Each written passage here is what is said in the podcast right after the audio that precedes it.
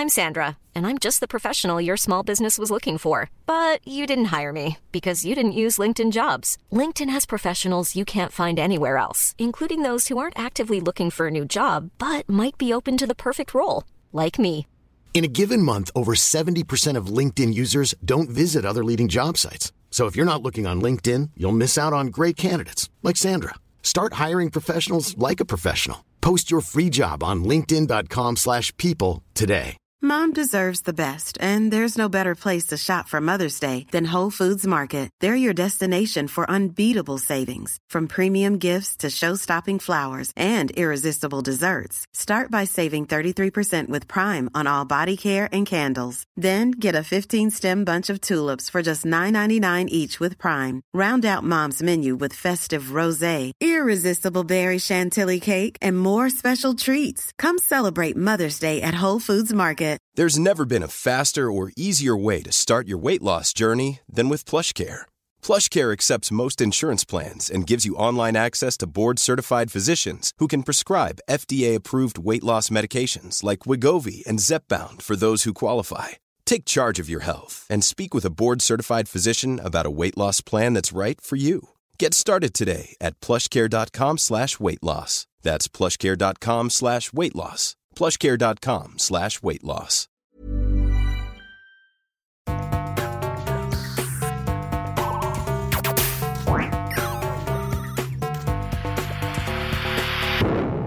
Velkommen til Sinnsyn. Jeg heter Sondre Risom Livre, er psykolog, og dette er Webpsykologens podkast. Hverdagspsykologi for fagfolk og folk flest.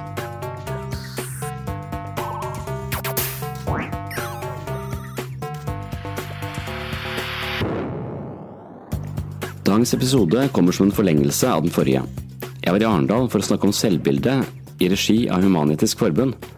Etter en times samtale med Marianne Løge åpner vi opp for spørsmål fra publikum. Og denne seansen utgjør hoveddelen av dagens episode. Det kom mange gode innspill fra salen. Hvorfor er det noen mennesker som hele tiden skryter av seg selv? Går det an å ikke ha et selvbilde? Hvordan kan man få et bedre selvbilde? Kan sosiale medier ødelegge selvbildet? Spørsmålet om hvorfor noen fremstiller seg selv som et glansbilde, fikk meg til å reflektere over en psykisk forsvarsmekanisme som kalles for omnipotens. Før vi går til en times samtale om selvbildet i form av dialog med publikum, vil jeg kort redegjøre for omnipotens som psykisk forsvar. Det er en forsvarsmekanisme vi ser rundt oss nesten hver eneste dag, men det er ikke sikkert at vi tenker på den som psykisk forsvar. Det dreier seg om en psykisk manøver hvor man hardnakket hevder sin storhet for å beskytte seg mot en underliggende følelse av mindreverd. Omnipotens er med andre ord vår skanse mot truende følelser av mindreverd og maktesløshet. Velkommen til en ny episode av Sinnsyn. Velkommen til siste del av arrangementet i Arendal i september 2018, og velkommen til en kort innføring i hvorfor noen mennesker tror de har overnaturlige evner.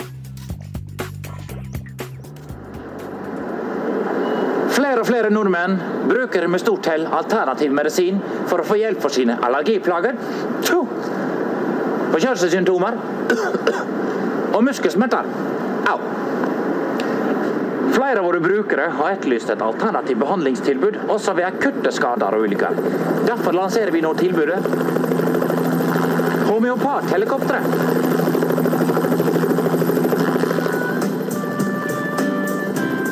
Om bord i homeopathelikopteret er et alternativ medisinteam på tre. En akutt homopat, som raskt kan gi homopatiske medisiner som stimulerer kroppens eget immunforsvar ved branner, når folk forsvinner i snøras, og ved drukning, såkalt drukningshomopati. Vi har også en katastrofeastrolog som ut ifra stjernetekken kan vurdere hva slags behandling ulike pasienter skal ha. For han vet at denne uheldige vannmannen trenger en helt annen behandling enn denne uheldige steinbukken.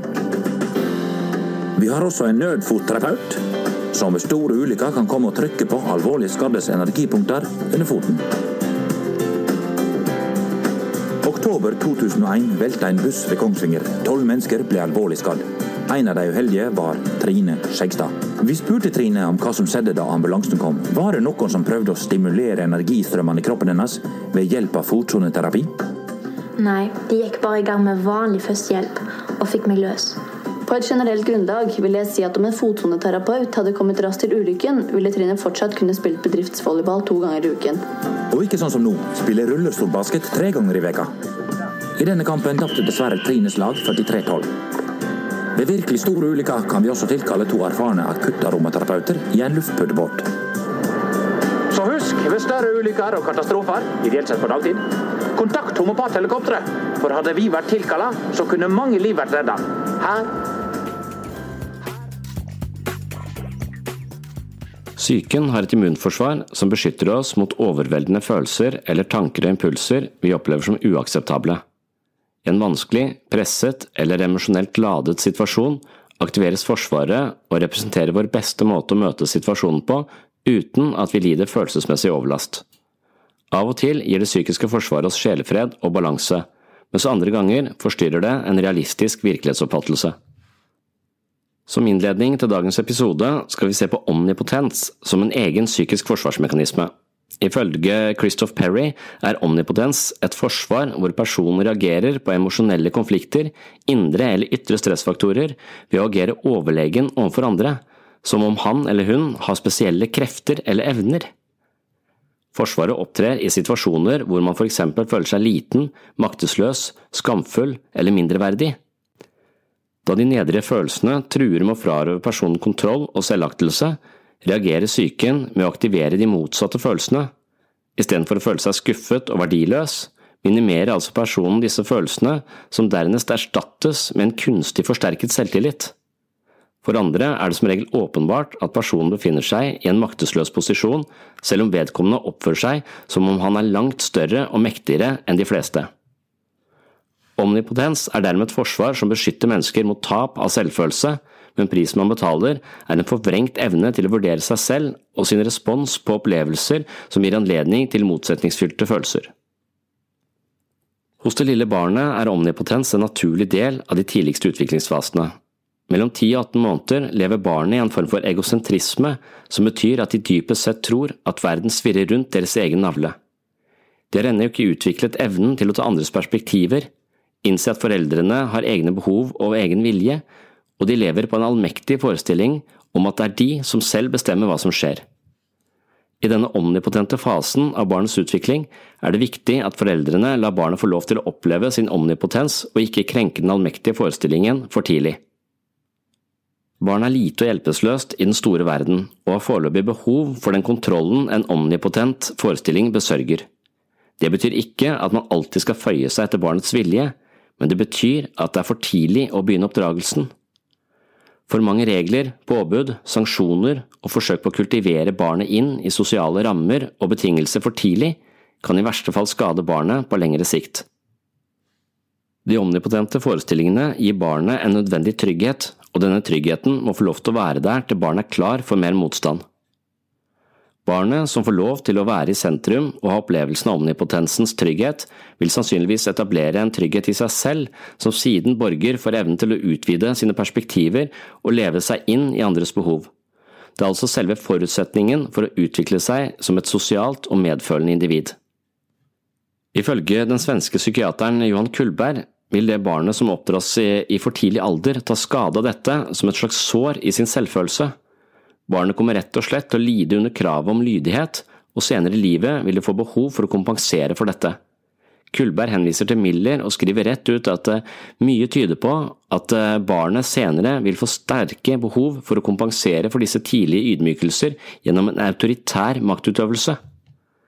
I verste fall levnes barnet i en overveldende følelse av maktesløshet når de omnipotente forestillingene krenkes for tidlig.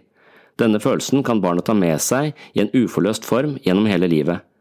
I voksen alder kan det hende at barnets hjelpeløshet plutselig dukker opp og anstifter en stor angst forbundet med følelser av mindreverd og litenhet. I en slik situasjon kan det hende at omnipotensen kommer tilbake som en nødvendig beskyttelse, og denne gangen er det som psykisk forsvar og ikke som en naturlig del av den psykiske utviklingen. Christoph Perry setter opp en liste over kjennetegn på omnipotens som psykisk forsvarsmekanisme. Spørsmålet er hvordan de opptrer hos den voksne personligheten. Først og fremst ser man tegn på omnipotens hos mennesker som uttrykker at de har spesielle evner eller krefter som virker usannsynlige på andre tilhørere, Personer som beskytter seg mot en underliggende følelse av mindreverd eller usikkerhet, maskert som omnipotens, kan av og til uttrykke at eh, jeg kan gjøre hva som helst, spesielt i situasjoner hvor vedkommende står i et dilemma eller føler seg pressa. Omnipotens ledsages ofte av en overdreven selvhevdelse og selvskryt. Vedkommende viser stadig til resultater, egenskaper eller vinninger for å vise andre sin storhet. Grader av omnipotens kan også være til stede hos mennesker som i en eller annen grad overdriver sin betydning eller påvirkning av bestemte begivenheter. Innenfor det alternative behandlingsmarkedet finnes det sannsynligvis mange eksempler på dette.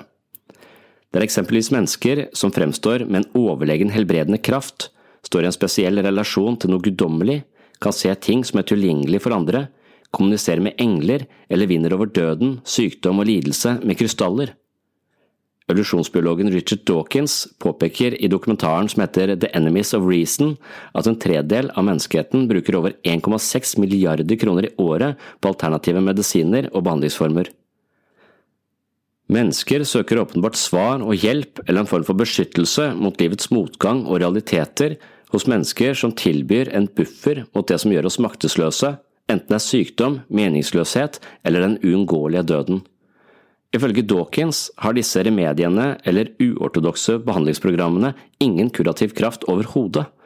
Han mener at de alternative behandlerne er en gjeng med lurendreiere som går legevitenskapen i næringen ved å utnytte menneskers overtroiske tilbøyeligheter, som nettopp får fotfeste i det menneskelige sinnlag på grunn av vår iboende frykt for en del av livets realiteter.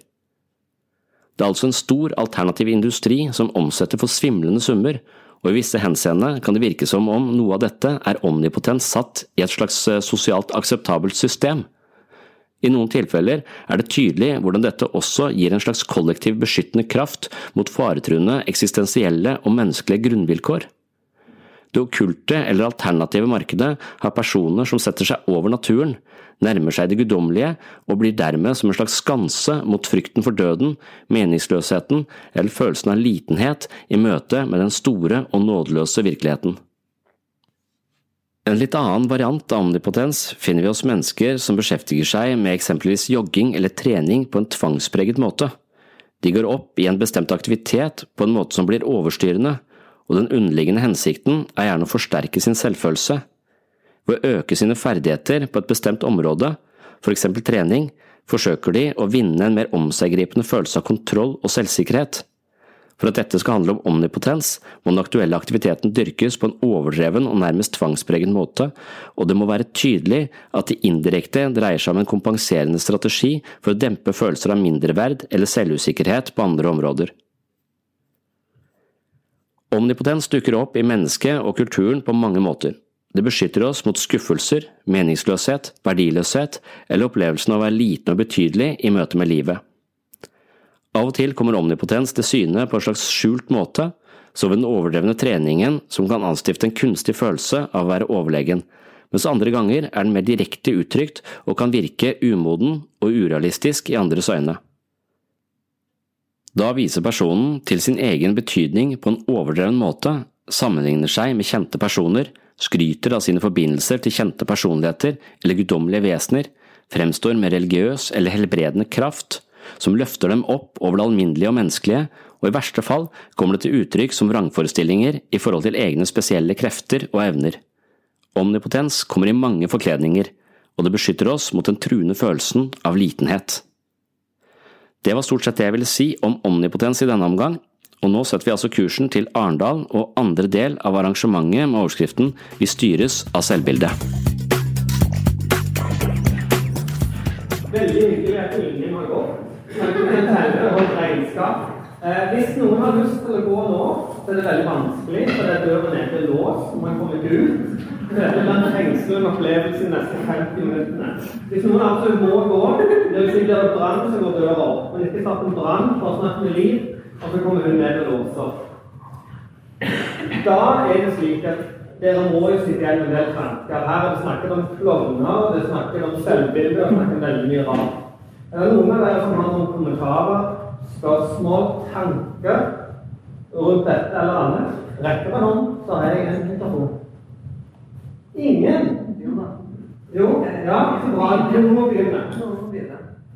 Eh, jeg sitter og tenker på et menneske som jeg kjenner, som jeg på en måte føler har urealistisk høyt selvbilde.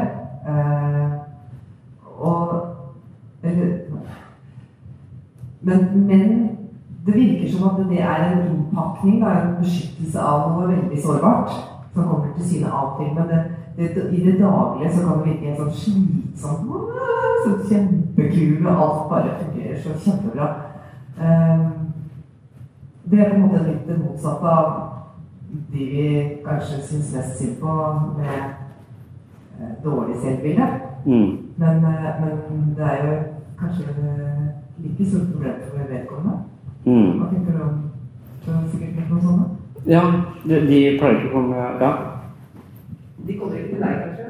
Ikke nødvendigvis, men på et eller annet tidspunkt så kanskje. Men, at, eh, men, men det, det, minner Det er ikke sikkert at det selvbildet nødvendigvis er den beste uh, at Kanskje man, det finnes flere lag i selvbildet, og noen ganger så, så er man ekstremt opptatt av å lage en borg som ser fin ut for å, for, fordi man er redd for sin egen så frykt for sårbarhet, på en måte, frykt for å, å være oppriktig og, og, ikke ekte. Så når du møter dem, så vil du veldig sjelden få en genuin kontakt med dem, fordi denne, denne staffasjen er i, er, i veien. Uh, men så kan man så se på det sånn uh, at det, I forhold til forsvarsmekanismer, hvordan, hvordan vi har et eget mentalt immunforsvar som på en måte sørger for at vi ikke lider psykisk sammenbrudd. Så, så vi er nødt til å ha visse vrangforestillinger, eh, livsløgner, eh, som, som, opprettholdes for at vi skal kunne leve. Eh, så, mens selvutvikling handler om å tåle uh, mer følelser og, og, ha et mer fleksibelt forhold til sitt indre liv. Men så lenge du ikke har det, du er fanget av din egen lave selvfølelse, eller noe sånt, så, så vil du ofte måtte operere med sterke forsvarsmekanismer som uh, f.eks. Uh, det med det heter eh, omnipotens. Eh, F.eks. Er et eget forsvar. Eh, omnipotens er jo en litt sånn gudeaktig forestilling. Og hvis du ser veldig freudiansk på det, så mener Freud at på et tidlig tidspunkt eh, i livet vårt så er barnet omnipotent. Det tror at verden svinger rundt deres egen navle. Og hvis jeg bare tenker på mat, så kommer det mat. Så jeg er Gud. Jeg kan styre verden med tankene mine. Men så er det å bli på en måte voksen, det er å innse at det, Oi, det funker ikke sånn. Det er faktisk andre mennesker der som jeg må ta hensyn til. Det er ikke bare meg og mitt. Eh, så, og det er det som ut, ut, Vi krenkes i denne eh, i, i, livet vårt fordi vi stadig innser at oi, det er ikke bare meg. Tankene mine er ikke magisk kraft eh, osv. Så, videre. så når du ikke tror at tankene dine har magisk kraft, så blir du fortalt at ja, det er en annen som har magisk kraft. Så hvis du ber til han, så kan det være at han gjør krokanen, eller gjør fiskelinjen om til krokangull hvis du bare ber lenge nok. Og den forestillingen har voksne mennesker også, og det heter religion. Eh, men, men denne omnipotensen, altså hvis du stiller Hvis du bryter ned, hvis du stiller for realistiske krav til for små, små barn, så vil de få en slags sårbarhet og den følelsen av å være maktesløs og liten i en verden som er altfor stor. Da trenger de ofte sånn omnipotente forestillinger. Barn har også en tendens til å ha sånn light OCD, da, at de går på de hvite feltene for at mamma ikke skal dø. For hvordan skal jeg stoppe at mamma Eller hvordan kan jeg kontrollere at mamma ikke skal dø?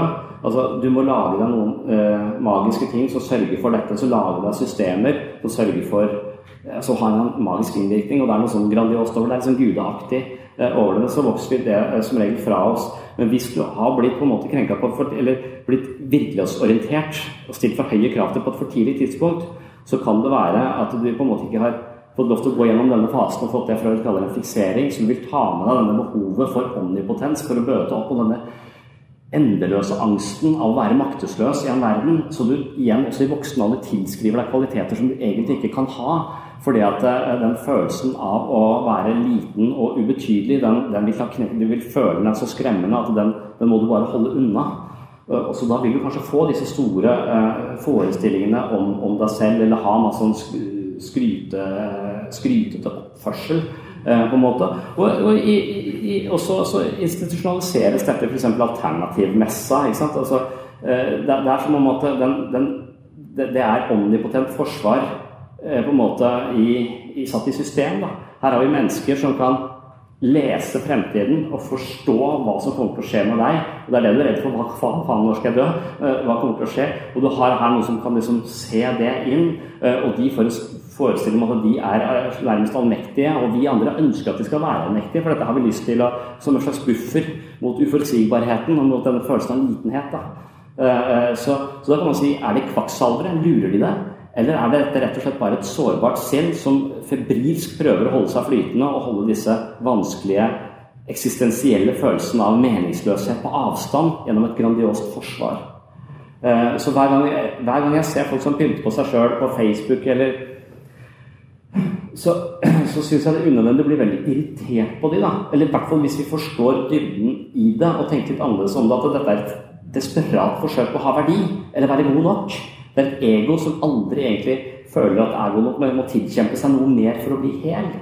Eh, med des desperate strategier. Så, eh, så, så, kan man kanskje snu den irritasjonen, for det er litt irriterende å være sammen med folk. Eh, eh, kan det kanskje snus til en hvis vi forstår det på den måten, så er det lettere å ha uh, sympati eller empati med det enn hvis vi bare ser på det som sånn skrytepaver, for det er ikke noe vi liker. Vi liker jo ikke uh, skryting og sånn uh, Samtidig som det legger opp til et sosialt spill som er ukomfortabelt ofte. Du må ofte matche det. Eller jeg vet ikke. Jeg blir i hvert fall ukomfortabel i møte med mennesker som jeg opplever ikke oppriktige. det er jo det er åpenbart at det er noe sårbart, ikke sant? Mm. Så hvordan møter man det? Mm. Ja. Fordi det, det, er ikke naturlig å møte det med sympati. Nei. Uh, det blir vanskelig både for meg og vedkommende. Ja. ja. Jeg er ikke sikker på om det blir godt mottatt heller. Sånn, Stakkars liten, du har det ikke så greit inni deg. Er du gæren? mm. mm. Jeg tror det er nettopp det eh, som er eh, psykoterapiens vesen og fordelen med gruppeterapi, at de har laget en arena hvor nettopp den typen tilbakemelding er det vi skal. Jeg skal si genuint hvordan jeg opplever deg, og jeg skal gjøre det fordi jeg mener av Eller jeg skal ikke si oppriktige ting om andre for å skade dem, for da må jeg se på meg selv. Hva er ditt behov for å skade et annet menneske? Det, det, det speiler meg og, og tendenser hos meg. Men, men det å være oppriktig mot et annet menneske og fortelle det for Sannsynligheten for at dette skaper avstand mellom henne og andre mennesker, er ganske stor. Sannsynligheten for at hun trenger å bli bekrefta og ha noen som eh, virkelig bryr seg på, uh, på, en måte, den er sannsynligvis eh, antatt desperate dimensjoner. Og hennes strategi gjør at hun egentlig aldri får det, sannsynligvis. For hun, hun vil hele tiden se i andres blikk at hun egentlig ikke blir likt, kanskje, eller blir sett litt rart på, og det vil kanskje bare forsterke behovet for å gjøre mer av det som ikke funker. Så hvis du, har, hvis du, er en veldedig person og har overskudd, så bør du kanskje bekrefte henne. For hvis du bekrefter henne, så kan det være det demper seg. Så, så at behovet vil hele tiden eskalere jo mer hun føler at det, at det ikke funker. Da. Altså, du bare fortsetter denne destruktive strategien. Eller så kan du komme til meg og si at den strategien der, det funker ikke. Alle folk syns at du er helt på trynet. Og jeg skjønner For det er det, det, er det jeg sier. altså det, Noen mennesker Jeg har ikke nødvendigvis den typen av Har litt den typen også. Men, men, noen mennesker kan fortelle en tåredryppende historie om sitt eget liv. Jeg føler bare irritasjon. Og det er interessant. For hvis jeg føler irritasjon, så kan det være at andre mennesker også føler Hva er det du gjør med din historie? Mens din historie, som er nesten helt lik, samme type møkkaoppvekst der får jeg inderlig eh, sympati og lyst til å gi deg en klem. Men deg har jeg bare lyst til Jeg sovner når du forteller eh, om, ditt, eh, om ditt fortid. Hva er det ved kvaliteten disse to menneskene som gjør at jeg reagerer så forskjellig? Det er interessant å finne ut av. For, for jeg tenker jeg må fortelle deg at jeg ikke klarer å gi deg det du trenger i denne situasjonen. Og jeg vet ikke hvorfor. Det må vi undersøke. Det er psykoterapiens vesen. da. Hvor, hvorfor er det sånn? Og ofte så er det sånn de menneskene som da ikke får det de trenger, de har ofte en tendens til å forklare det på en måte som gjør at jeg, de vil at jeg skal overta livet deres. Eller de agerer som martyrer. De, de vil påvirke meg til synd. De, de, har en agenda med det de sier. da. De vil på en måte uh, ikke sette meg fri til å ha min opplevelse av dem. De styrer meg. Det er som om de forlanger en bestemt respons. Uh, uh, på en måte, og de, de prøver å stjele den omsorgen de aldri har fått av meg. Og når noen prøver å stjele av meg, så blir jeg vrang i utgangspunktet. Jeg har lyst til å gi det av meg selv, på en måte. Og hvis du forteller det mer med ansvar til ansvar for dine egne følelser, så er det mye lettere å ha empati med det, eh, med det mennesket. Men det er små finurligheter ikke sant, i hvordan mennesker eh, oppfører seg og snakker osv. Og, og det er det som er psykologi, er at djevelen er i detaljene. Små finurligheter kan avsløre en veldig mye større dybde. Vi har laget en arena hvor vi undersøker det. Vi tror ikke vi vet noe sikkert om det, men vi tror at vi kanskje vil ha flere perspektiver på det. Og hun i en setting hvor hun er mottakelig for å se på seg selv på nye måter, så ville det være en, en mulighet. Men hun ville sannsynligvis være livredd for det. For hun, hun, hun, beskytter, som du sier, noe veldig, veldig sårbart. Uh, på en måte som ikke hjelper henne. Det er trist.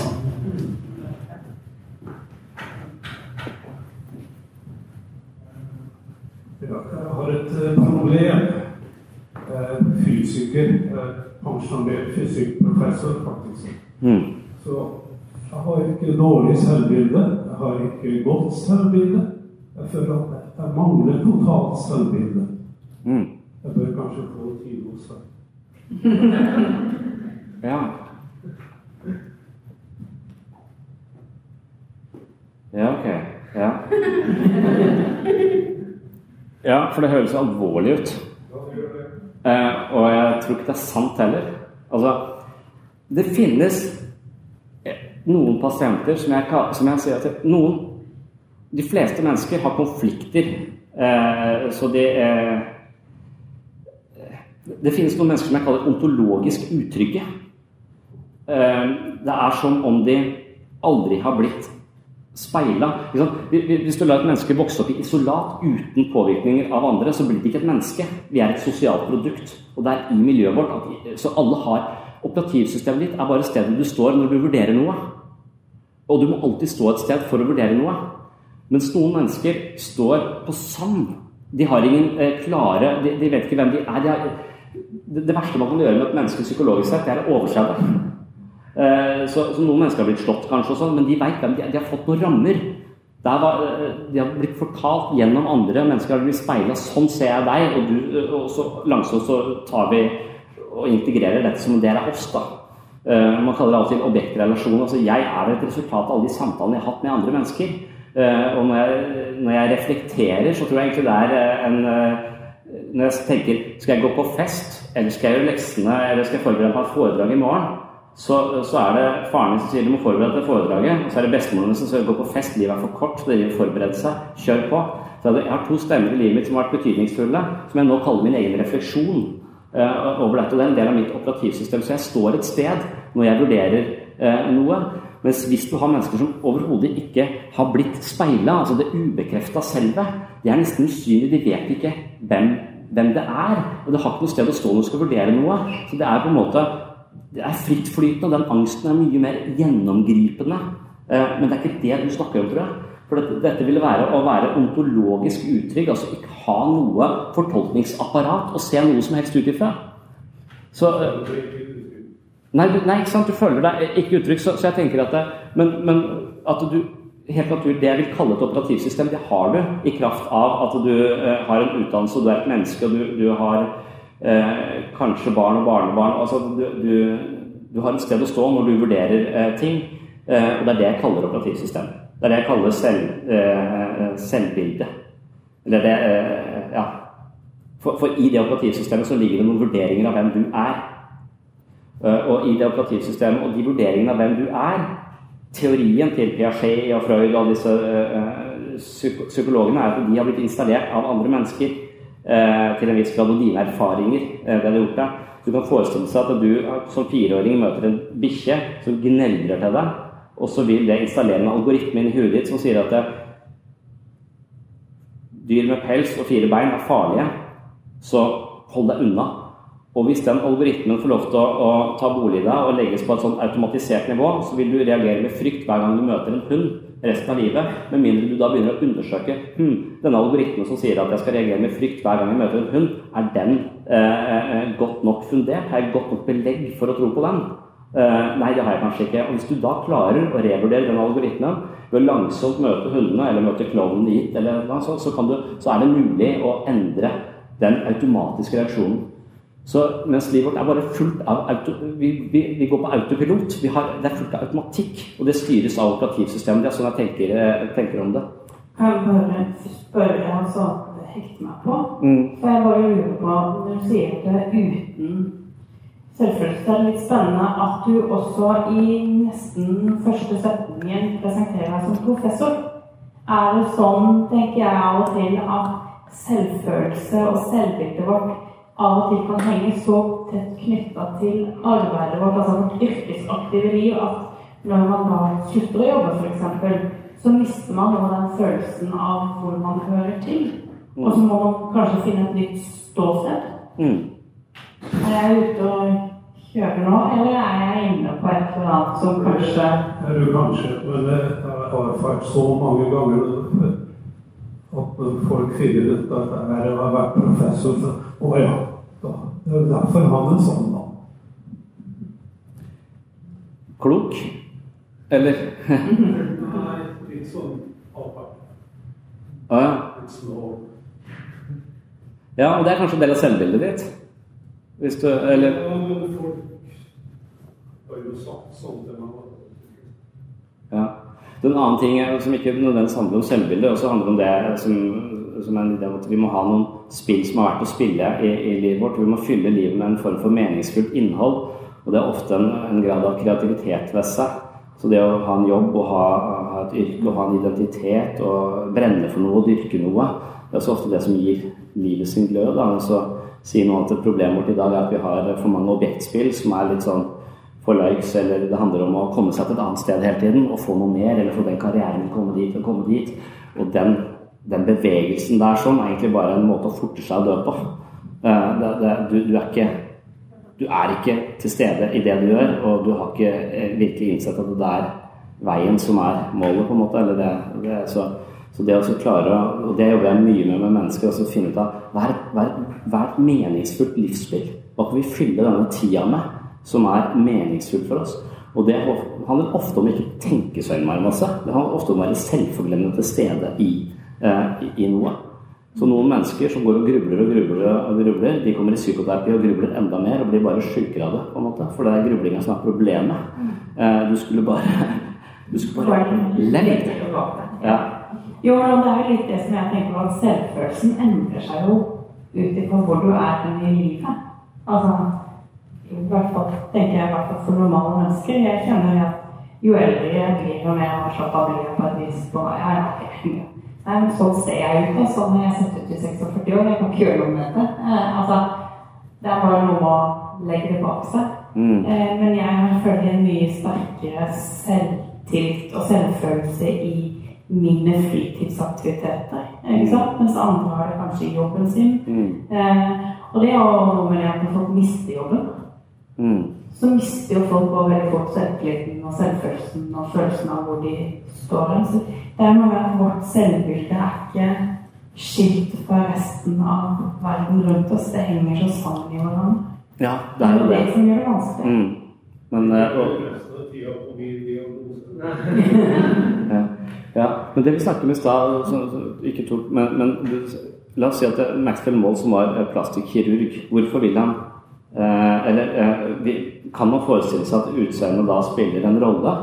Altså at hvis du ser veldig bra ut, så vil du bli speila på en måte folk undrer deg litt og ser på deg på en måte som gir deg et operativsystem som sier at ja, du er jo helt fantastisk. Mm. Eh, og, og er det er det en snarvei? Er det bra? Altså, altså, for det, Da er det urettferdig. Det er jo litt urettferdig. Ja, vi, vi har hatt et sånt danseprogram nå en av de siste dagene med som kanskje ikke har hatt godt av blitt speila hvor flott han har sett ut, muligens. Ja, ja ikke sant? Ja. Det er noe med av og til så går det noen grenser. Men han er god av stedet. Ja, av stedet.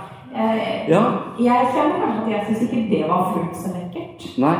Men han har lagd en fin analyse på sin egen Facebook-side i dag over hvilke muskler han var mest fornøyd med. som denne rapporten okay. Og så det, tenker jeg det være deilig å ha det sånn inni seg selv. Ja. Altså, allikevel. Men, men han har nok noen usikkerhetsmomenter, han òg. Det er det jeg syns er spennende i den artikkelen også, at du kan jo omprogrammere hjernen din. Mm. Altså, den der operativsentralen kan du jo faktisk klare. Det bare krever mye jobb. Mm. Og hvis du slipper å jobbe, så går du kanskje glipp av den muligheten. Ja. Så hvis du ser for bra ut, så blir det for lett. Ja. Og da blir det ikke Så, så det kan jo være noe i det at alt som er veldig verdifullt, er vanskelig. Det krever litt mye av oss. Jo mer det krever, jo, og, jo vanskeligere det er, jo større er gevinsten hvis vi faktisk eh, eh, får det til. Så det, at det å gå en litt tung vei er kanskje, eh, har kanskje en verdi i seg selv. Da. Og, og, og, ja. ja, det er kanskje veien som har mer verdi enn faktisk selve målet. Mm, ja. Har du fått noen flere som har kommentarer? Se her, ja. Nå kommer jeg. alle sammen. Jeg heter Tommy. Jeg er snill, altså. Så jeg heter Tommy. Jeg tenker ikke bare på din tankene du snakker om eh, den nye generasjonen. Eh, Det er ikke bare hans diskusjon, men den nye generasjonen som tøffere, som kanskje ni år gikk i form av hvordan av mye rød under 15. Men i dag så er det bloggeren og Exxon Beach og Kanskje større, men hva tenker, hva tenker du om den nye generasjonen med selvbilde og selvfølelse? Det de vokser opp med, kontra kanskje vår generasjon. Kanskje neste generasjon òg, som nå er 12-13. Mm. Tankene rundt det? Du er tiden kanskje du er litt ung igjen. Ja. De snakket om dette på verdibørsen for litt siden, husker jeg hørte. Ja. Uh, og da var det en idé om at denne generasjonen kalles generasjon flink, eller, eh, eller generasjon perfekt. Og at de mangler eh, et, et opprør. Eh, At man håper at klima kan være det opprøret. Mens alle andre generasjoner har hatt et slags eh, ungdomsopprør. Og det mener han, en professoren der fra Tromsø han mente at det var en slags plikt, en ungdomsplikt. Det var å gjøre opprør. Eh, og så hadde du 68-erne, eh, som på en måte gjorde opprør mot det autoritære. Og så hadde du neste var ironigenerasjonen, og Harald Eia og de som gjorde narr av Arendal. Eller Froland.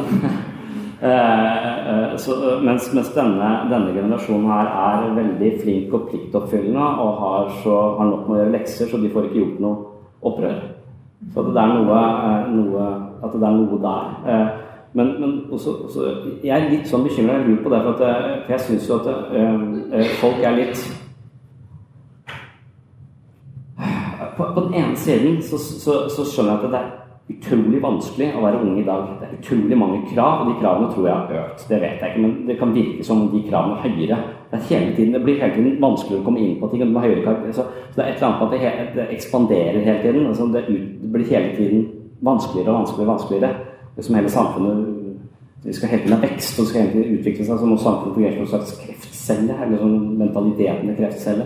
Og, og, da, og, da, er det jo ekstremt høye krav til de, de unge. Og så er spørsmålet men er de rusta til det?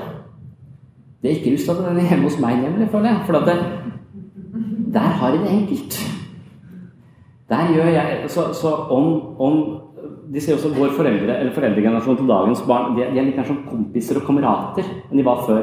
De har ikke disse, så det er, ikke, så det er en annen relasjon mellom barn og foreldre. Eh, og, og kanskje de får det litt lett på et tidlig tidspunkt ut i en verden som er mye mer krevende enn noensinne har vært. Og da kanskje vi gjør en slags Det er mange sånne overskrifter som sier at dagens barneoppdragelse er helt krise. Og da handler det kanskje om å tåle ting og, stå i ting. Og, og der er kanskje psykisk helsevern også En av mine oppgaver er å sørge for at folk ikke får den behandlinga de trenger når de kommer til psykisk helsevern. Og det avviser mest av ungdom. Men for, fordi og, og, det har jeg ikke noen god nok grunn til å gjøre, for det det er et system som ikke helt fungerer. Synes jeg. Vi skal vurdere søknad fra fastleger, og de bare skriver et eller annet random greier om en annen person. Og skal vi vurdere ut fra det er rett og er et helt umulig prosjekt. Det sier seg selv, så vi burde møtt de. Men, men altfor mange havner også i behandlingsapparatet for ting som ikke er psykisk lidelse, men livet. Og det at livet kaster drit i trynet på oss, det er en del av livet. Og det er ikke nødvendigvis en psykisk lidelse. Så når du får en henvisning på en, eh, på en ung jente som gruer seg til eksamen Hva slags, hva slags diagnose er det? Så, så, det, så, så det, det, kommer en del henvisninger på et veldig tynt grunnlag, som om hvor det Per Fugli kalte nullvisjonen. At de har en slags idé om at livet skal være smertefritt og gå på skinner. og Hvis de ikke gjør det, så er det en psykisk lidelse. Og Da kommer det inn i helsevesenet, og så diagnostiserer vi det. Og så lager vi det til en sykdom, og da slipper du i hvert fall ta ansvar for, det, eh, for, dette her. For da er det jo en, en diagnose, så kan det medisineres for det eh, i, i stedet.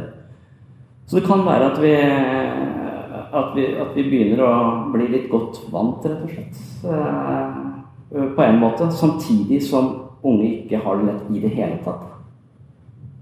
Så ja, det er veldig, Men jeg er ikke noe sosiolog, så jeg syns ikke det er så lett om det er det jeg tenker om det sånn umiddelbart. Og så tror jeg at eh, sosiale medier fucker opp så dypt og inderlig. Eh, altså, jeg, jeg, har akkurat vært i pappaperm, og jeg har sørget for at min datter på nå to år har et operativsystem som sier at eh, jeg er nok verdifull, men iPhonen er mer verdifull enn meg. Så, eh, så hun er på rangstigen i familien. Liksom der iPhone, og så hun. Jeg håper ikke det er sånn, men den der avhengigheten av hele tiden være og, og så, Mens du vet at det har vært til stede for uh, små mennesker, er å installere operativsystemet i huet deres.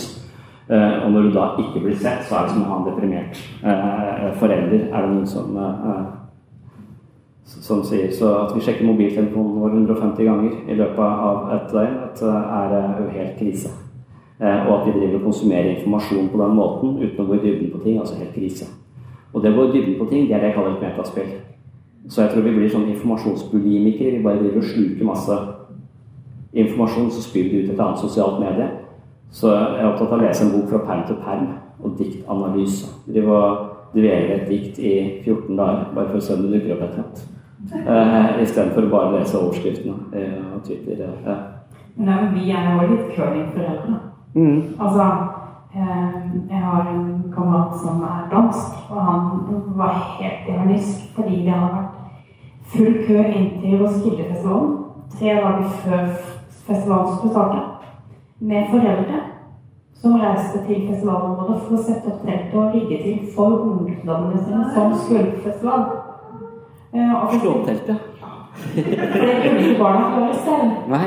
Eh, og la ut soveposer og ordna og i det hele tatt. Ja. Eh, og det, de, de, var litt rådville på, hva skolefestivalen lurte på hva i all verden skulle gjort. De hadde også ja. henvendelser fra foreldre som påla festivalledelsen at de måtte sørge for at barna deres fikk en god opplevelse på festival. Hvorpå de svarer altså eh, vi sørger for festivalområdet og konserter. Eh, resten må de altså fikse sjøl. Mm. Eh, så det er jo noe med hva vi òg gjør med våre barn. At kanskje vi da Vær så god, her er det røde løperen. løpere. Og så får de livet rett i trynet. For det gjør de jo. Mm. Så vi må vel òg være litt bevisste på hva vi jobber med. Mm. Mom deserves the best, and there's no better place to shop for Mother's Day than Whole Foods Market. They're your destination for unbeatable savings, from premium gifts to show-stopping flowers and irresistible desserts. Start by saving 33% with Prime on all body care and candles. Then get a 15-stem bunch of tulips for just $9.99 each with Prime. Round out Mom's menu with festive rosé, irresistible berry chantilly cake, and more special treats. Come celebrate Mother's Day at Whole Foods Market. Planning for your next trip? Elevate your travel style with Quince. Quince has all the jet setting essentials you'll want for your next getaway, like European linen, premium luggage options, buttery soft Italian leather bags, and so much more. And it's all priced at 50 to 80% less than similar brands. Plus, Quince only works with factories that use safe and ethical manufacturing practices. Pack your bags with high-quality essentials you'll be wearing for vacations to come with Quince. Go to quince.com slash trip for free shipping and 365-day returns. Since 2013, Bombas has donated over 100 million socks, underwear, and T-shirts to those facing homelessness.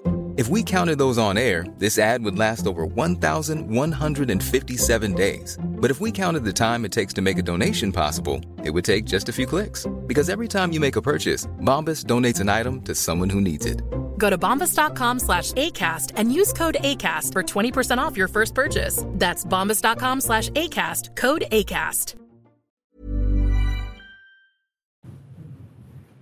Ja. Jeg sier ikke at alle foreldre sånn, altså, men det var litt sånn mm. Ok, da går vi videre. Oi, det her var mye forskjellige ting på en gang her. Jeg tenkte på først det du sa med han som opplevde hadde en atferd som hadde såret inni. Er det alltid bevisst? På en måte. Jeg følte litt klar over sin egen atferd. At det, det var én ting. Og så tenkte jeg litt på det som hadde en selvfølelse og selvbilde opp igjennom etter hvert som blir barn og blir voksen. Det kan vel endre seg litt ettersom hvilke situasjoner eller nye situasjoner du står i. Og det er noe med å fange fange det og lande trygt, og da er det hvilke referanser du har med deg. Eh, og så tenker jeg litt på det med ungdommen og samfunnet og pressen. Eh, jeg tror kanskje det må ha en aksept for hverandre. At vi alle trenger ikke være A4.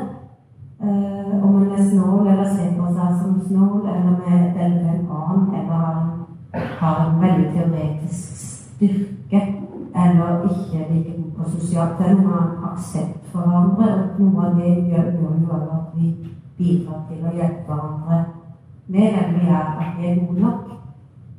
Så vi er man liksom bare sånne småting underveis på litt forskjellige enn vi å kommentere.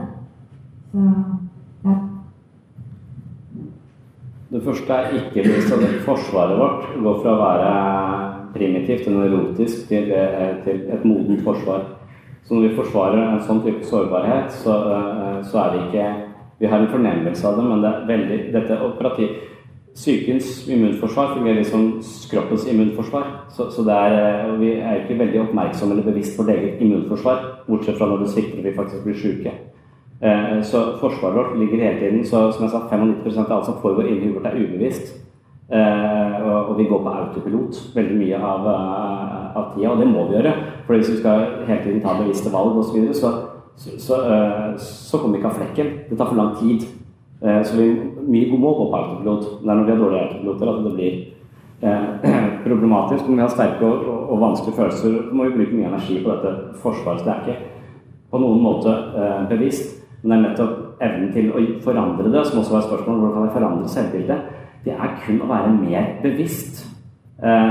Så, så Derfor så sier man at meditasjon og psykoterapi det handler om å bli ekspert på hvordan dette eh, fungerer. Og da må du sitte og stirre på det lenge. Så Hvis du skal forstå hvordan en maurtue fungerer, så kan du lese en bok. Men du kan også være forsker og sitte og stirre og stirre og stirre. Det er en system i kaoset her sånn. Og så finner du kanskje langsomt ja, det er et eller annet her med at det sitter ei feit der inne, og noen driver ser på jobb, mens alle driver og holder vakt. Liksom. Det er, selv om dette ser kaotisk ut, så kan det være at det finnes en orden i dette, dette kaoset. Og det å, å tenke på sitt eget indre liv som en maurtue du skal undersøke og forstå, det kan være en god holdning å ha. Eh, og hvis du skal bli kvitt lav selvfølelse, så må du ikke tro på alt det som dukker opp inni huet ditt. Eh, du må, du må, hele tiden være, ha forskerens kritiske blikk på det. Hm, har jeg godt nok belegg for å tenke sånn om det? Har jeg godt nok belegg for å tenke sånn om det? Eh, hvordan oppfattes jeg? Og så videre. Og det siste du sier om at folk skal ha aksept, er jeg er til dels enig i, men jeg er også litt redd for den, eh, den jeg, jeg, mener at folk burde være greie med hverandre. Eh, men alle er ikke det. Og når de ikke er det, så bør vi tåle det. Eh, vil i hvert fall lære oss å tåle det. Så hvis du kommer i gruppepsykoterapi hos meg, og på en måte agendaen din er at alle behandler meg sånn og sånn, og ingen har forstått meg også, eller, så, det, er, det er noen som har en idé om at at vi bør pakke verden inn i bobleplast, så det ikke er noen skarpe eh, kanter. Og det er mange som har et ønske om at verden skal være sånn. altså Alt skal være akseptert. Skal ha folk ut i jobb, skal tilrettelegge og tilrettelegge og tilrettelegge som om de skal polstre alt. altså Bli et sånt Pluto Legeland av det. Eh, og den ideen tror jeg gjør folk litt svake. Eh, eh også. Det er med på å gjøre folk svake, istedenfor å prøve å endre folks aksept så vil jeg heller prøve å endre menneskets forståelse av seg selv og hvordan andres tilbakemelding ikke skal få så tungtveiende bety så mye i vårt eget operativsystem. For da er vi så sårbare. Litt som hvis vi identifiserer oss med jobben vår og vi mister jobben vår. Og, og da går vi helt til grunne fordi vi var jobben vår, på en måte. Eh, så sånn er det også. Så, så aksept, vi bør ha aksept på hverandre, men vi bør ikke forvente at verden legger til rette på den måten. Vi bør heller lære oss å leve i en verden med skarpe, uh, skarpe kanter og ikke gå til grunne på det. For da er vi mye mer selvforskyldte. Eh, så jeg er sånn redd for tanken om at vi skal aksjonere for mye på verden der. Men, men, men andre mener motsatt. Andre mener at vi alt, legger altfor mye ansvar på individet. At vi heller burde aksjonert mot verden der ute. Men jeg tror vi trenger begge deler også. Men uh, inntil verden ikke er en sånn utopi, så, så tror jeg vi bør uh, i hvert fall tidsrett lære oss å, å, leve i den. Og, og, hvis vi da kan ta andres mangel på aksept som uh, ignoranse, forsøk på å hevde seg ved å tråkke på andre, og vi kan se det på den måten, så er det ikke sikkert det treffer så tungt hos oss. Men er det litt sånn da at hvis man er Altså, vi er jo alle forskjellige mennesker, og vi har forskjellige ståsteder, men, men hvis man er velger på, velger på et vis å være litt annerledes og ta noen andre valg, så må man også kanskje jobbe med selvfølelsen sin for å bli sterk i sin egen selvfølelse for å kunne stå i det da, og være litt annerledes. Mm. Er det det du tenker? Ja, men altså, hvis du er veldig opptatt av å være veldig annerledes, så er jeg også litt interessert i eh, målet ditt med det. da. Ja, nei, altså. uh, så, for det som jeg, jeg, føler jeg har oppdaget, er at jeg, ved å være i gruppeterapi, være sammen med andre mennesker, er at jeg ligner dem. Mm. At jeg, det er veldig sjelden jeg Hvis jeg møter mennesker jeg overhodet ikke kjenner noe felles, jeg er veldig interessert i det. For dette er liksom er en alien, tenker jeg. Men, men så, så, så, når du ja, men det er noen mennesker som føler at de er veldig annerledes enn andre. Mm. Altså Noen mennesker sitter jo med den følelsen at de føler at de er eh, altså, noe helt annet, eller har en helt annen følelse. Altså, mm. De lever i en litt annen type verden, og da tenker jeg kanskje du, du må gjerne være i den verden, kanskje du må da jobbe med å gjøre ja. deg selv sterkere i det. Mm, ja. Nettopp for å kunne stå imot alt det fjerne Ja, det kan hende. Og så perfeksjonere den typen eh, verden og bli god på den. Og så finne ut av hva, det er, hva slags muligheter eh, det gir deg. Og, og det, er, eh, det er der. Det er forskjellig. Noen er jo, ja, som du sier, har et annet, helt annet filter og er på en helt annen måte, mens, mens noen mennesker har veldig behov for å være veldig annerledes. For å skille seg ut, eller altså, det er et slags identitetsprosjekt der som handler om å bli speilet på en bestemt, bestemt, måte. Som jeg tror er en del av det å, å modnes også. Prøve ut forskjellige typer hatter, på en måte. Og så se Men etter hvert som man kanskje da blir eldre, så, så går man ikke, orker man ikke gå med hatt eh, nødvendigvis. Med mindre man bare liksom har en hatt som er helt annerledes enn alle andre hatter. da, Så kan det være noe veldig verdifullt i det. Det er i hvert fall de menneskene jeg er mest interessert i, er de som absolutt ikke ligner meg, eller som, eh, som tenker helt annerledes. Eh, To av mine beste venner har alvorlige, eller har, er helt ute i autismespekteret. Uh, og det er ekstremt interessant å være sammen med dem, for det er en analytisk måte å være på. Uh, og de, jeg kan aldri regne ut hva de sier i neste setning. Og det syns jeg er dypt og inderlig fascinerende. Så, men, men de er sikkert ganske sikre i seg selv, vil jeg anta. Ja, men ofte hvis vi er på fest, f.eks., som jeg sier, sånn kan du ikke si til folk. Det der må du, også Uten at de da forstår det. Så, så jeg slutta å gå på fest med dem, for da, da, da driter de seg ut. Men du kan godt være sammen, uh, sammen med dem. Uh, så, men, det er klart at hvis du sier ting som sårer folk, og fordi du er litt sensitiv på det, så, så vil du også skille deg ut, og det vil gi deg en følelse av, av annerledes, annerledeshet. Og Det skal ikke så mye til å føle seg annerledes. Du kan komme fra en by og flytte til en annen og føle deg annerledes der. Siden jeg kom fra Tønsberg og bor i Kristiansand, tok litt tid før jeg følte at jeg spilte i takt. Og så jeg gikk i en litt annen rytme. Eh, enn de andre, og som jeg aldri helt kom helt eh, tett på. da. Eh, jeg tenker litt det handler om finjusteringer eller, og en aksept for at ok, hvis du spiller en litt annen rytme enn en, miljøet rundt akkurat her. Så har jeg bodd lenge i Danmark, som jeg følte spilte en helt annen takt enn det som egentlig var min vante takt. da. Så, så, så, det kan jo egentlig være måter å utvide operativsystemet sitt på også, og så begynne å spille noen, i noen andre toneskalaer enn det man er, er vant til. Ja. Det er det. Jeg tenker på jantelovene.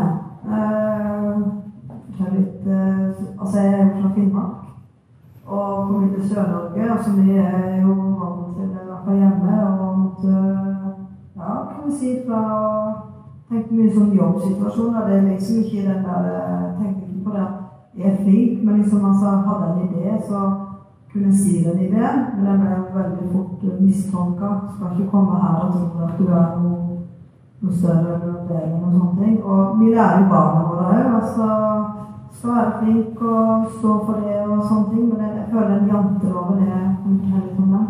Den så sterk. Altså På en måte så kan du si Skal du si Kan du liksom Altså Skjønner liksom ikke den der at du kan si det for meg handler det ikke om å være noe bedre eller noe sånne ting. Og så må det være at du kan si fra om en ting, en situasjon.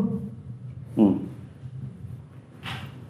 Ja, jeg kunne tenke at det handler om det nærmeste psykiske utviklingsnivået i en bestemt flokk. Eh, eh, for vi er jo avhengig av flokken, og det å være en del av flokken er viktig for oss. Det er viktig for overlevelse også. Det er vår på en måte nisje. Det er samarbeid og kommunikasjon. Så, så det å skille seg for mye ut, det kan skape uro i flokken. Derfor har vi kanskje en tendens til å trekke folk gjøre de lik, lik flokken. Og hvis alle går rundt med sine eh, ideer, eh, så, så, blir det for mye det, blir ikke et orkester som spiller godt sammen. Derfor kan vi ikke ha for mange, eh, for mange av de.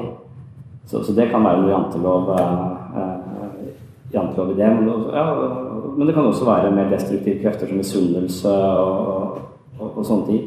Som, for hvis du da har et, et, et, system som fungerer som et lavtfungerende system, et dårlig miljø, Eh, så vil det også på en måte prøve å vokse ut av det, bli uglesett av de andre. Og de vil prøve å trekke deg tilbake igjen til på det nivået hvor alle, alle er. Så jeg mener at eh, et menneske kan være mer eller mindre psykologisk modent. Eh, og et modent psykologisk menneske ser på et menneske som har forstått at ego er en mental konstruksjon som, som ikke ved å få masse berømmelse eller sånn og sånt kan på en måte gjøre bedre et, et, menneske er som, et, menneske er, et godt menneske hviler i seg selv og har ikke behov for å tråkke på andre for å hevde seg selv. på en måte. De er, de har, de ikke, de er ikke, de ikke underskuddsstyrt. De trenger ikke noe fra andre for å føle seg hele. De er overskuddsstyrt. så de, er, de, får noe som heter metabehov. De får, Istedenfor at behovene er egosentriske, så blir de mer altruistiske. De har behov for å gi noe til andre uh, i en flokk. Og en, en flokk som er på et sånt høyt nivå, hvor behovet er medfølelse osv. De ville ha mye større aksept og toleranse og, og sannsynligvis mindre jantelov. Da. Uh, men, jeg vet ikke. Janteloven er liksom sånn uh, begrep som, uh, som regjerer, og det er jo noe litt sånn Det er noe kjipt med det, men det er noe litt sånn ydmykt med det òg, kanskje. Altså, hvis du går rundt Vi har kanskje en sånn idé om at amerikanere går rundt og er liksom selvgode og, og brøler litt høyt, liksom. Uh, og at, det, at de tar seg litt vann over hodet, ikke kan stå inne for alt, uh, for alt det. Men uh, ja. Jeg synes det er interessant at det som sørger for om vi lykkes eller ikke, er eller den forskningen som sørger Hvem mennesker er som lykkes? Det er de menneskene som har mest medfølelse og er mest takknemlige. Og Det er også et sånn evolusjonært perspektiv på at det å, det å klare å utsette behovstilfredsstillelse her og nå for å nå et langsiktig mål, det handler om at vi er eh, Det er noe evolusjonært som er kobla til det å være en del av flokken. Vi utsetter, vi, vi utsetter våre egne behov for gruppas ve og vel, og vi utsetter behov her i dag for vi vet at hvis jeg ofrer noe i dag, så blir morgendagen bedre. Og den innsikten der sånn er et felles prosjekt vi har som gruppe. Og det er som del av en gruppe at du da nettopp klarer å utsette umiddelbar behovstilfredsstillelse. Det gjelder helt ned på om du spiser godteri på tirsdag, liksom. Eh, så hvis nyttårsforsettet ditt er å slutte å røyke, så, eh, og du bare bruker din egen viljestyrke, eh, så fungerer det dårligere enn hvis du har et mer Så istedenfor bare prøve å slutte å røyke og bite denne sammen, så vil du nå lenger hvis du praktiserer medfølelse og takknemlighet. Og tenker på hva du er takknemlig for i livet. Det er lettere å lykkes. Det er noe sosialt og fellesskapaktig ved det.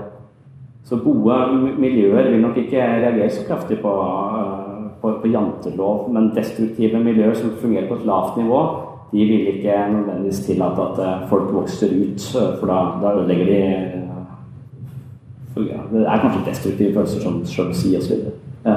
Jeg bare tenkte litt på kulturforskjellen med Sør- og Nord-Norge. At det er forskjellig i folkegrupper og hvordan man tenker om kultur. Noen er mer direkte.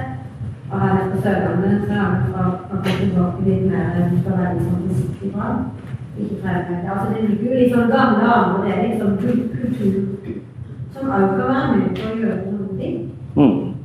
det drar med selv om en kanskje er det er godt eller dårlig eller høyt nivå eller ikke nivå, så kommer det noe med hele serien har fått Mm. gjennom i kulturen. Så det kan være veldig kanskje noe på det. Ja, absolutt.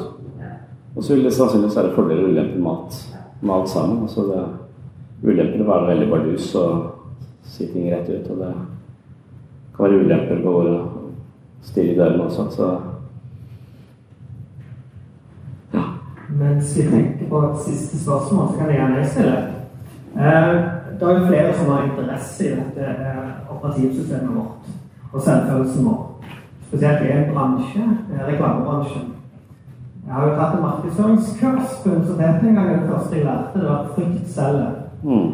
Eh, så hvis man da eh, skaper frykt i mennesker for at de ikke kommer på samme nivå som andre hvis de ikke kjøper dette, dette eller gjør det og det, så eh, ryker du. Så de ønsker jo å oppgradere dette operativsystemet ditt.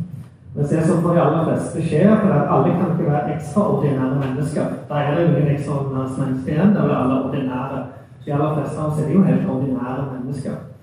Så da feiler man jo, og feiler og feiler og feiler, og da blir selvfølelsen dårligere og dårligere. Og det er noen av oss, eller kanskje noen, som har, eh, som har motstandsdyktighet mot dette her. Og det er ganske mange som ikke har det. Spesielt hvis dere har rett når du får til en snowflakes-generasjon, så vil de gjerne ikke ha det. Hva tenker du om det? Hva tenker du om markedsføring som kommer i alle kanaler eh, overalt for tiden i forhold til det at du, hvis jeg kjøper den og den bilen, så blir jeg ekstraordinær. Den lykkes i hvert fall bedre selvfølelse. Så kjøper jeg denne bilen, og så får jeg ikke bedre selvfølelse. Og så hopper jeg på neste prosjekt og neste prosjekt og neste prosjekt. Mm. Ja. Nei, um, spesielt uh, sosiale medier uh, og ekkokammer og sånne ting tror jeg gjør noe med hele Ja, altså det, det, det sitter så mange mennesker som har som sin opp, hovedoppgave å sørge for at vårt operativsystem blir påvirket i bestemte retninger. Jeg syns YouTube fungerer sånn. så jeg føler at det, Først så begynner jeg å høre på Sam Harris, og så begynner jeg å høre på Jordan Peterson. Og så begynner jeg å høre på en eller annen Steven et eller annet greier, og så plutselig er jeg i et mørkt høl. Eh, og, og det er vanskelig å, å, å komme seg ut derfra. Så det er som om disse algoritmene drar meg i en eller annen retning som jeg selv ikke helt har bestemt, men som blir en del, blir en, eh, blir en del av meg. Så, så, så de markedskreftene de burde man eh, helt slett være litt skeptisk eh, til. Eller kanskje man burde få en, eh, noen reguleringer der, i hvert fall. Og det er vel det som sikkert kommer til å skje etter hvert. At vi får noen reguleringer som, som sørger for at vi kan leve med disse, uh, disse tingene. Men, uh, men jeg er helt enig. Frykt, frykt selger. Og det er jo Jeg tror jeg er veldig mye motivert av frykt. Altså jeg trener for å tro at jeg dør hvis ikke. Så, så, så det er frykt som, som selger både abonnement på Elexia og kosttilskudd og alt mulig jeg driver med for å, eh, for, å ikke, ikke dø eh, for tidlig, i hvert fall. Så, og jeg synes da synes jeg Steven Pinker er interessant. ikke sant? Jeg syns boka 'The Better Angels Our Nature', eller den siste boka hans, eh, hvor Steven Pinker sier at ja, for det første så er du ræva på å lese statistikk. Eh, for det første, og for det andre så er liksom, ja, hele media er styrt av frykt. Det er frykt som selger. Så hvis du skal selge en avis, så må du, uh, må du spre frykt uh, på en eller annen måte. Og da får vi helt skapt bilde av hvordan verden fungerer. Så når du leser boka til Steven Pinker, så ser det ut som det går dritbra, på en måte. vi kjører rett inn mot utopi. Er, nå er det for, for 20 år siden så var det 30 av verden under fattigdomsgrensa, nå er det 12 eller jeg husker ikke tallene. Altså det er, eh, verden generelt sett går det veldig mye bedre med. Det er veldig mange flere mennesker som er over fattigdomsgrensa. Vi har liksom eh, mange flere vaksinerte, mye mindre syke. Liksom. Det er så mye som går bra, da. Eh, kriminalitet går ned videre. Men det er ingen, ingen av oss som har den opplevelsen. Jeg tror at jorda kommer til å gå under rimelig snart. Det kan jo hende på akkurat det miljøspørsmålet. Eh, men, men eh, vi, vi, vi, da går under med lite kriminalitet og lite fattigdom. Så vi går ned på topp, ja. føler jeg. Ifølge Steven Pinker. Jo, men det er noe med det bildet vi får. Mm. Altså, for vi får altså, Noen konstruerer et negativt mm. bilde for oss som òg påvirker mm. altså styringsmekanismen vår, som gjør at vi ja. blir mer redde enn det vi kanskje ja. hadde trengt å være. Ja. Du kan ikke gå inn på nettavis og stå det 'Hyggelig dag i Arendal'. Hvem er som greier liksom, jeg, jeg, gikk inn på internett på sykehuset. Det var krise i Arendal. 30 mennesker eh, på akuten. Og så klarte jeg ikke å klikke inn på det. Visste ikke hva som skjedde. jeg, faen, jeg tror ikke det drar litt tid da. Men, men det, er det, som, det er det som klikker meg, eh, klikker meg inn. Jeg vet ikke hva som har skjedd i Arendal eh, som gjorde at sykehuset sto på, på hodet. Men, eh, men, men jeg, jeg, ville jo ikke klikka meg inn på en sånn annonse sånn sol og fint vær i Arendal. Nei, men de har hatt noe fra i dag, da. de har hatt sånn stor øvelse ja. med brann, politi og en ambulanse og alt mulig. Okay. Fordi det var da en buss som liksom hadde kjørt inn i folkemengden under en festival, altså Kanalstrupfestivalen her. Okay. Så de hadde lagd en øvelse ut ifra det. Og det er klart at da har Amerika mye å slåss i mange dager. Mm. Alt som ikke fungerte, og mm. ambulanse og brannvesen og politi samarbeider ikke godt nok. Og, altså, det var mm. mye, mye ja. sånn søk som kan komme. Pluss at du får da denne sånne gode sånn 30 mennesker på akuttmottak i Arendal i en krise. Da har vi holdt på i to timer. Jeg trodde Rikke skulle komme her og sitte to timer med psykolog. som sa det var interessant. Eh, jeg tror vi avslutter nå. Vi sier tusen takk til Sondre eh, i sånn Liverød. Han har fortsatt noen bøker til salgs um, som du kan kjøpe. Og det må gjerne Løke. Også tusen takk. Så det er slik at For dere som trenger flere psykologitimer, så har vi en morgen i Tvedestrand. Da er det kunsten å leve et meningsfullt Takk for at du hørte på Sinnsyn. Og takk til alle dere som har ratet podkasten i iTunes. Jeg nevner som vanlig at jeg har tre bøker for salg. De finner du på webpsykologen.no. Der er det en egen bokhandel. Den siste boken er jeg jo mest opptatt av nå. Det er Psykologens journal, hvor jeg har prøvd å gå inn i menigheter og møte mennesker som tenker annerledes enn meg selv, for å se om det kan på en måte bringe oss dypere inn i livets mest intrikate spørsmål. Altså spørsmål som handler om meningen med livet, døden osv. Og meningen med livet, det er også tema for de neste episodene, regner jeg med. Det var eh, tema for uh, Human-Etisk Forbund sin, eh, sitt arrangement i Tvedestrand. Og når denne her podkasten spilles inn, så var jeg på vei dit dagen etterpå. Han mannen du hørte på slutten her, det er Kjetil eh, Nordbø. Det må jeg bare si, det er en fantastisk fyr. Han, eh, han har vært leder for Human-Etisk Forbund i Agder-fylkene en, en, en, god, stund. To år, tror jeg. Men, og han er en finurlig type. Han har blant annet eid en elefant som døde for noen år siden. Men det er eh, den eneste mennesket jeg har møtt som har eid en elefant, i hvert fall. Så en energisk, kunnskapsrik og fantastisk fyr som jeg ble så heldig å bli kjent med. I, eh, fordi jeg har vært nå engasjert meg litt i dette Human-Etisk Forbund. Selv om jeg selv ikke er medlem, da. Men eh, det, det, Hvis du lurer på hvorfor, så kan du lese Psykologens journal. Der gjør jeg rede for det. Så eh, hvis du er interessert i meningen med livet, så må du følge med i de to neste episodene. Og utover det så er det vel bare å si på gjenhør. It's all very well to laugh at the military, but when one considers the meaning of life, it is a struggle between alternative viewpoints of life itself. And without the ability to defend one's own viewpoint against other, perhaps more aggressive ideologies, then reasonableness and moderation could quite simply disappear. That is why we'll always need an army. And may God strike me down were it to be otherwise. Don't stand there, Gorpin! Like you've never seen Yander God before! Now, today we're going to do marching up and down the square! That is, unless any of you got anything better to do.